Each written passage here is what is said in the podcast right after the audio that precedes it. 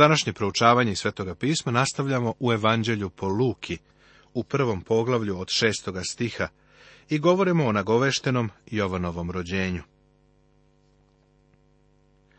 Zapazi da nam pismo kaže da su i Zaharija i Jelisaveta oboje bili pravedni. To znači da su bili ispravni. Kako su bili ispravni?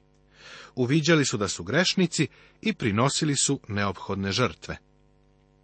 Oboje behu pravedni pred Bogom, živeći bez mane, po svim zapovestima i naredbama gospodnjim. Njihov život je govorio o njihovom spasenju. Kada bi počinili greh ili u nečem pogrešili, prinosili su pravu žrtvu. Međutim, u njihovom životu je bila jedna tragedija. Nisu imali dece. Dete nisu imali, jer je Jelisaveta bila nerotkinja, a oboje zađoše u godine. Evo jednog vremešnog para koji nema decu. Biti bez dece za jevreku je praktično značilo sramotu. saveta nije imala dece. Zaharija, koji je pripadao Levijevom plemenu, služio je u hramu. Kada je on kao sveštenik služio pred Bogom po redu svoje črede, po običaju sveštenstva, pade na njega kocka pa uđe u hram gospodnji i okadi. A za vreme kađenja sve mnoštvo naroda molilo se napolju. Tada mu se pojavi anđeo gospodnji, stojeći s desne strane kadionog žrtvenika. Videvši ga, Zaharija se uznemiri i strah ga spopade. Zaharija je služio kod zlatnog oltara, kod mesta za molitvu. Bilo je vreme večernje žrtve i tom posebnom delu službe on je prineo kad na oltar. Odjednom pojavi se anđeo. Da si ugledao anđela, šta bi uradio? i ti bi reagovao baš kao i ovaj čovjek, uplašio bi se i prestravio.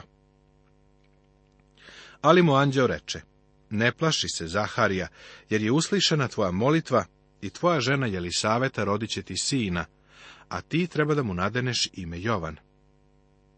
Zaharija se molio za sina, Jelisaveta se molila za sina. Mislim da su se mnogi ljudi molili da oni dobiju sina. Kako znam da se on molio za sina? zato što mu anđeo kaže, uslišena je tvoja molitva. Radovat ćeš se i veselit ćeš se i mnogi će se obradovati njegovom rođenju, jer će biti velik pred gospodom, neće piti ni vina, ni žestoka pića, a duha svetoga napunit će se još u utrobi svoje majke. Jelisavetin i Zaharin sin treba da bude nazirej. Jedna od stvari koje su se Nazireji zavetovali, bila je da neće piti jaka pića ni vina. Nazirej je svoju radost tražio u svetom duhu i u Bogu. Iz tog razloga apostol Pavle kaže u Efesima u petom poglavlju i ne opijajte se vinom u čemu je raskalašenost, nego se punite duhom. Neka tvoja radost potiče od gospoda, ne iz flaše. Danas ima mnogo beba koje piju iz flašice. Sada ne govorimo o bebama u kolevkama, niti o bebama koje stoje pored šanka. Danas ima nekih hrišćana koje treba bodriti i tetošiti da bi se suočili sa životom. Treba da uvidimo da nam sveti Boži duh može pružiti snagu da se suočimo sa životom. Te će obratiti mnoge Izraeljeve sinove njihovom gospodu Bogu. Oni će otići pred njim u ilinom duhu i sili da obrati srca otaca prema deci i nepokorne na pravedničku razboritost, da pripremi gospodu uređen narod. Hajde da jasno shvatimo da iako je Jovan Krstitelj išao u Ilijinom duhu i sili, on nije bio Ilija. On će okrenuti ili obratiti srca očeva prema deci. Jovan je bio most za prevazilaženje međugeneracijskog jaza. Danas naš problem nije više toliko u tome što postoji jaz između odraslih i omladine, nego između odraslih i Boga. Da odrasli imaju ispravan odnos sa Bogom, ne bi imali problema sa mladima. Zaharija pak reče anđelu, po čemu ću to poznati? Ja sam naime stara i žena mi je zašla u godine. Ne mogu da se ne nasmejem kad pročitam ovaj stih. Mnogi ljudi u Bibliji ne nalaze humora, ali ima ga, a ovaj stih nam ga nudi. Evo čoveka sveštenika koji je došao pred Boga u molitvi. Kod Kadionog oltara on kaže, o Bože, daj mi sina. A onda, kada Bog preko anđela Gavrila kaže daću ti sina, Zahari odgovara, a kako ću to znati? On ovako govori, moja žena i ja smo stari, mislim da ne možemo imati dece, pa ipak se moli za sina. Da li si se ikada ovako molio? Moliš Boga za nešto, ali stvarno ne veruješ da će ti on to dati. Ovo je jedan od razloga zašto ne primamo odgovor na naše molitve. Uopšte nemamo vere. Ovaj čovjek Zaharija je pravo ljudsko biće i ne mogu da se ne nasmejem zbog njega, jer se baš tako i ja ponekad molim. Odgovori anđeo i reče mu, ja sam Gavril koji stoji pred Bogom i poslan sam da govorim s tobom i da ti javim ovu radosnu vest. Božja reč na sebi nosi Božji pečat. Božja reč ima autoritet.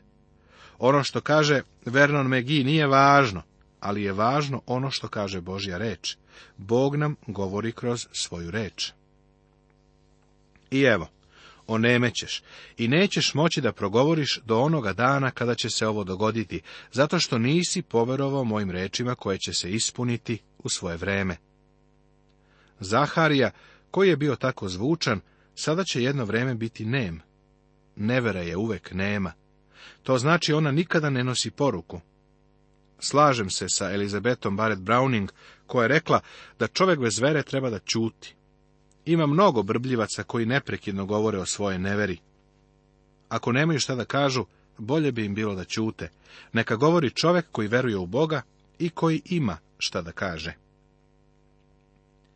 A narod je iščekivao Zahariju i čudio se što se dugo zadržao u hramu. A kada je izašao, nije mogao da im govori, i uvideše da mu se neko javio u hramu. I on im davaše znake glavom i osta nem. I ovaj odaljak je za mene zabavan. Nakon 400 godina čutanja, Bog ponovo prekida tišinu i dolazi ljudima, ali baš onaj čovjek kome on saopštava poruku, ne veruje. I tada taj čovjek postaje nem. Možeš li ga zamisliti kako se trudi da ljudima objasni da je nem? Kako bi ti ljudima objavio da si video anđela i da ne možeš da govoriš? Ne bi ti baš bilo lako.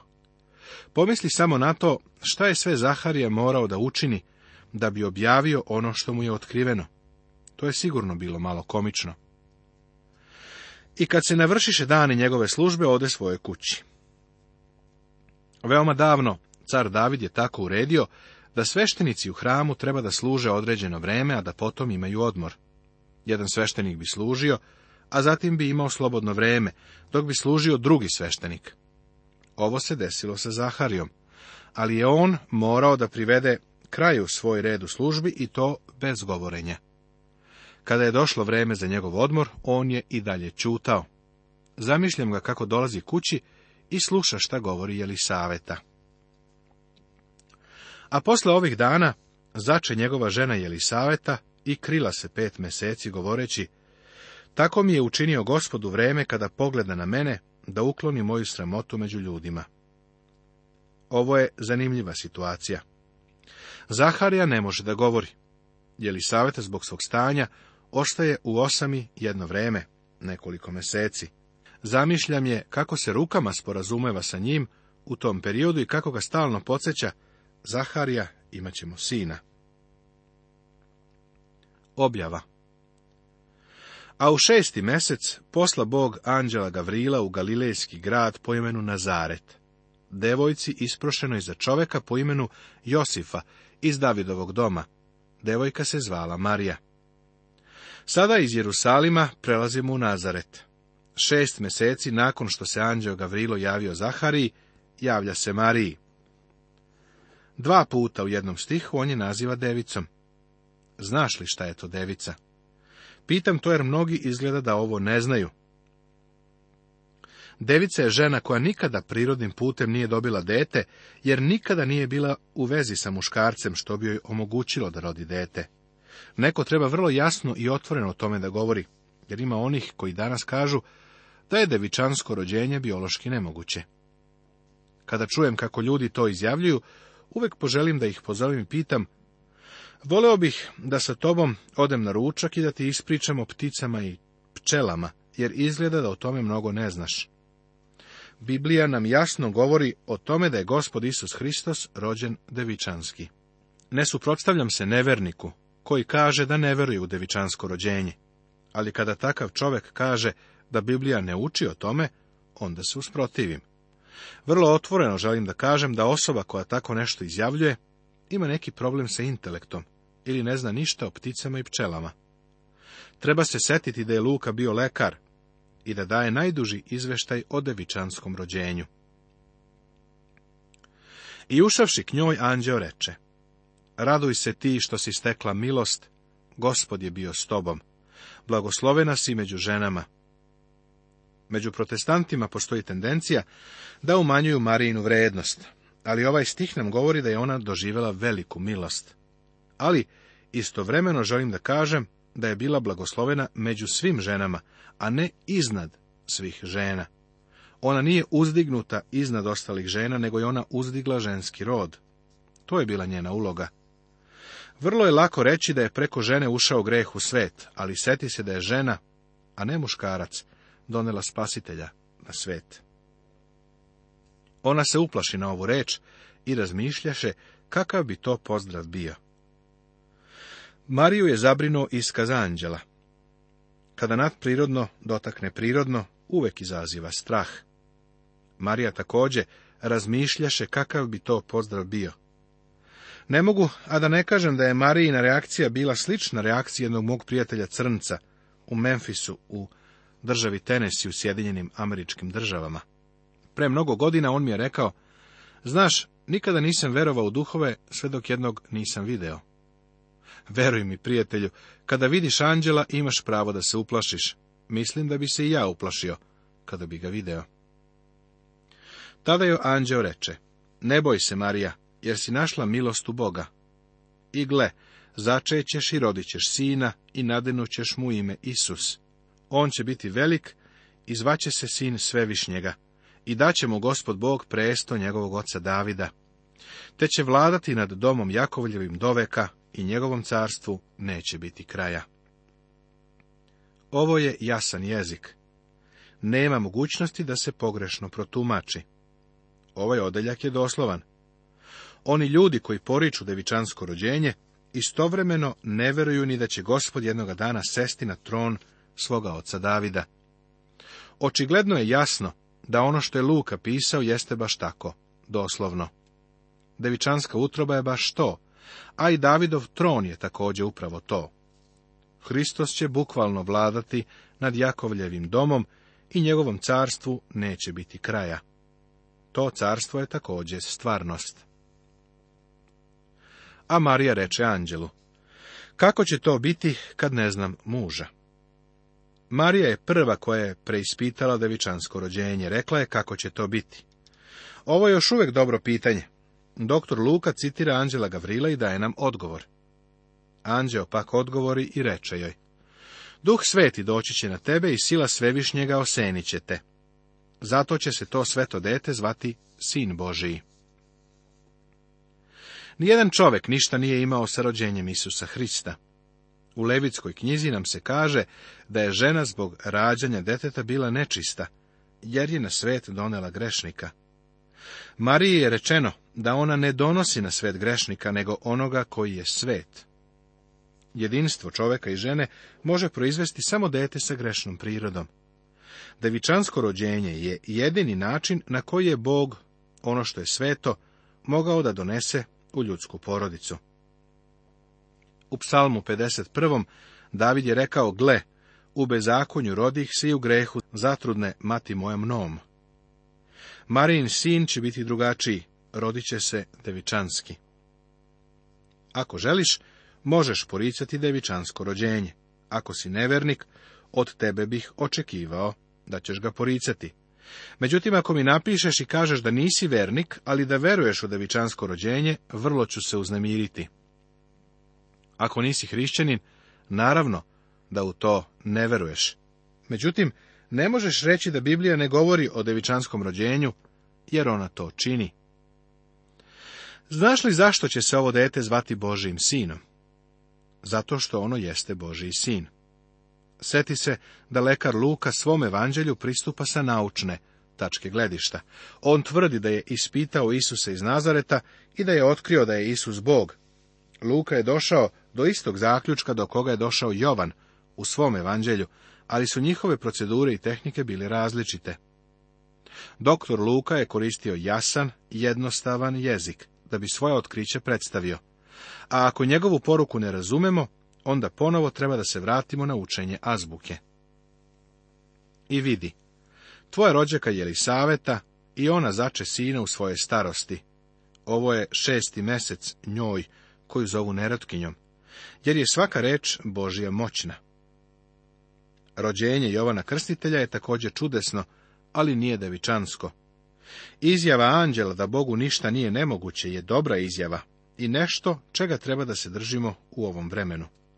Želeo bih da istaknem, međutim, da ima ljudi koji su ovu izjavu uzeli i izvitoperili njen smisao, Bogu nije ništa nemoguće kada On odluči da učini, ali On neće obavezno učiniti nemoguće onda kada ga molimo. Mnogi ovaj stih koriste kao kliše da bi pokrili činjenicu da traže sopstvene sebične želje. Sa Bogom ništa nije nemoguće, ali je mnogo šta nemoguće sa mnom i sa tobom. Kada čovjek kaže Bogu ništa nije nemoguće, a onda ne uspe u nekom zadatku za koji tvrdi da mu ga je Bog namenio, to nevernike podstiče da se podsmehuju Bogu. Sve što Bog naumi da učini, on je kadar da učini, jer mu ništa nije nemoguće. Ali to ne znači da će on učiniti sve što vernik poželi, jer neke stvari nisu sadržane u Božijem planu. Sve treba ispravno da sagledamo pre nego što se raspričamo i tako naudimo cilju i nameri Isusa Hrista, umjesto da budemo od pomoći. Na to Marija reče, evo služiteljke gospodnje, neka mi bude kako si kazao. I anđeo ode od nje. Ovaj stih nam otkriva Marijinu potčinjenost i pokornost Božjoj volji. Ona je anđelu rekla, neka mi bude kako si kazao. U tom trenutku oblak je osenio Marijin život i bio je nad njom, sve dok gospod Isus Hristos nije ustao iz mrtvih. Hristovo vaskrsenje dokazuje njegovo devičansko rođenje. Sve do tada bilo je preispitivano. Ne možeš poricati devičansko rođenje i onda verovati u vaskrsenje ili obrnuto. Devičansko rođenje i vaskrsenje idu ruku pod ruku, zajedno ili stoje ili padaju. Marija u posjeti saveti Posle izvesnog vremena, Marija je odlučila da ode u posetu Jelisaveti gore u brdovitom delu Judeje. U one dane Marija usta i pohita u gorski kraj, u jedan judni grad, pa uđe u Zaharijinu kuću i pozdravi Jelisavetu. Kada Jelisaveta ču Marijin pozdrav, zaigra dete u njenoj utrobi i napuni se duha svetoga Jelisaveta. Ono čime se ovde bavimo jeste čudesno, i nema svrhe pokušavati da se da prirodno objašnjenje. Ili veruješ, ili ne veruješ da se desilo ono što piše u ovim stihovima. Tako sam umoran od današnjih ljudi, pogotovo od propovednika, koji se prave pametni, pa nastoje da objasne čuda u Bibliji. Čuda iz Biblije ili prihvataš ili ne prihvataš, a ono što se desilo u ovim stihovima jeste čudo. Ova žena je bila ispunjena svetim duhom i dete u njenoj utrobi je poskočilo. Te povika iz glasa i reče, blagoslovena si među ženama i blagosloven je plod utrobe tvoje. Ovde počinje prva pesma u Lukinom evanđelju. Divna je. Doktor Luka je bio pesnik koji nam daje sve pesme o Božiću, ovo je prva od njih, i potiče od Jelisavete. I otkud mi to da majka moga gospoda dođe k meni? jer gle, kad glas tvoga pozdrava dođe do mojih ušiju, zaigra dete od radosti u moje utrobi. I blažena je ona koja je poverovala da će se ispuniti što je gospod rekao. U Svetom pismu je malo rečeno o Jelisaveti. Ona je ispevala prvu pesmu u Novom Zavetu, a kada imaš ovakvog solistu, onda ne treba da ga zanemaruješ. Ona je izuzetna osoba. Ona je imala veru i kada njen muž Zaharija nije onemeo je zbog svoje nevere, ali Jelisaviti se to nije desilo. Ona je verovala Bogu. Sada ona ohrabruje Mariju. Marija je mlada žena, dok je Jelisaveta žena u godinama. Jelisaveta je mnoge godine proživjela sa Bogom i ona uverava Mariju da će se ispuniti to što joj je otkriveno. Tako bih želeo da Jelisavetu zajedno sa ostalima istaknem i odam joj priznanje. Ona naravno ne sme da se obožava, bila je to samo žena baš kao i Marija, ali Mariji je bilo potrebno ohrabrenje, a Jelisaveta ga joj je dala. Nastavit će se.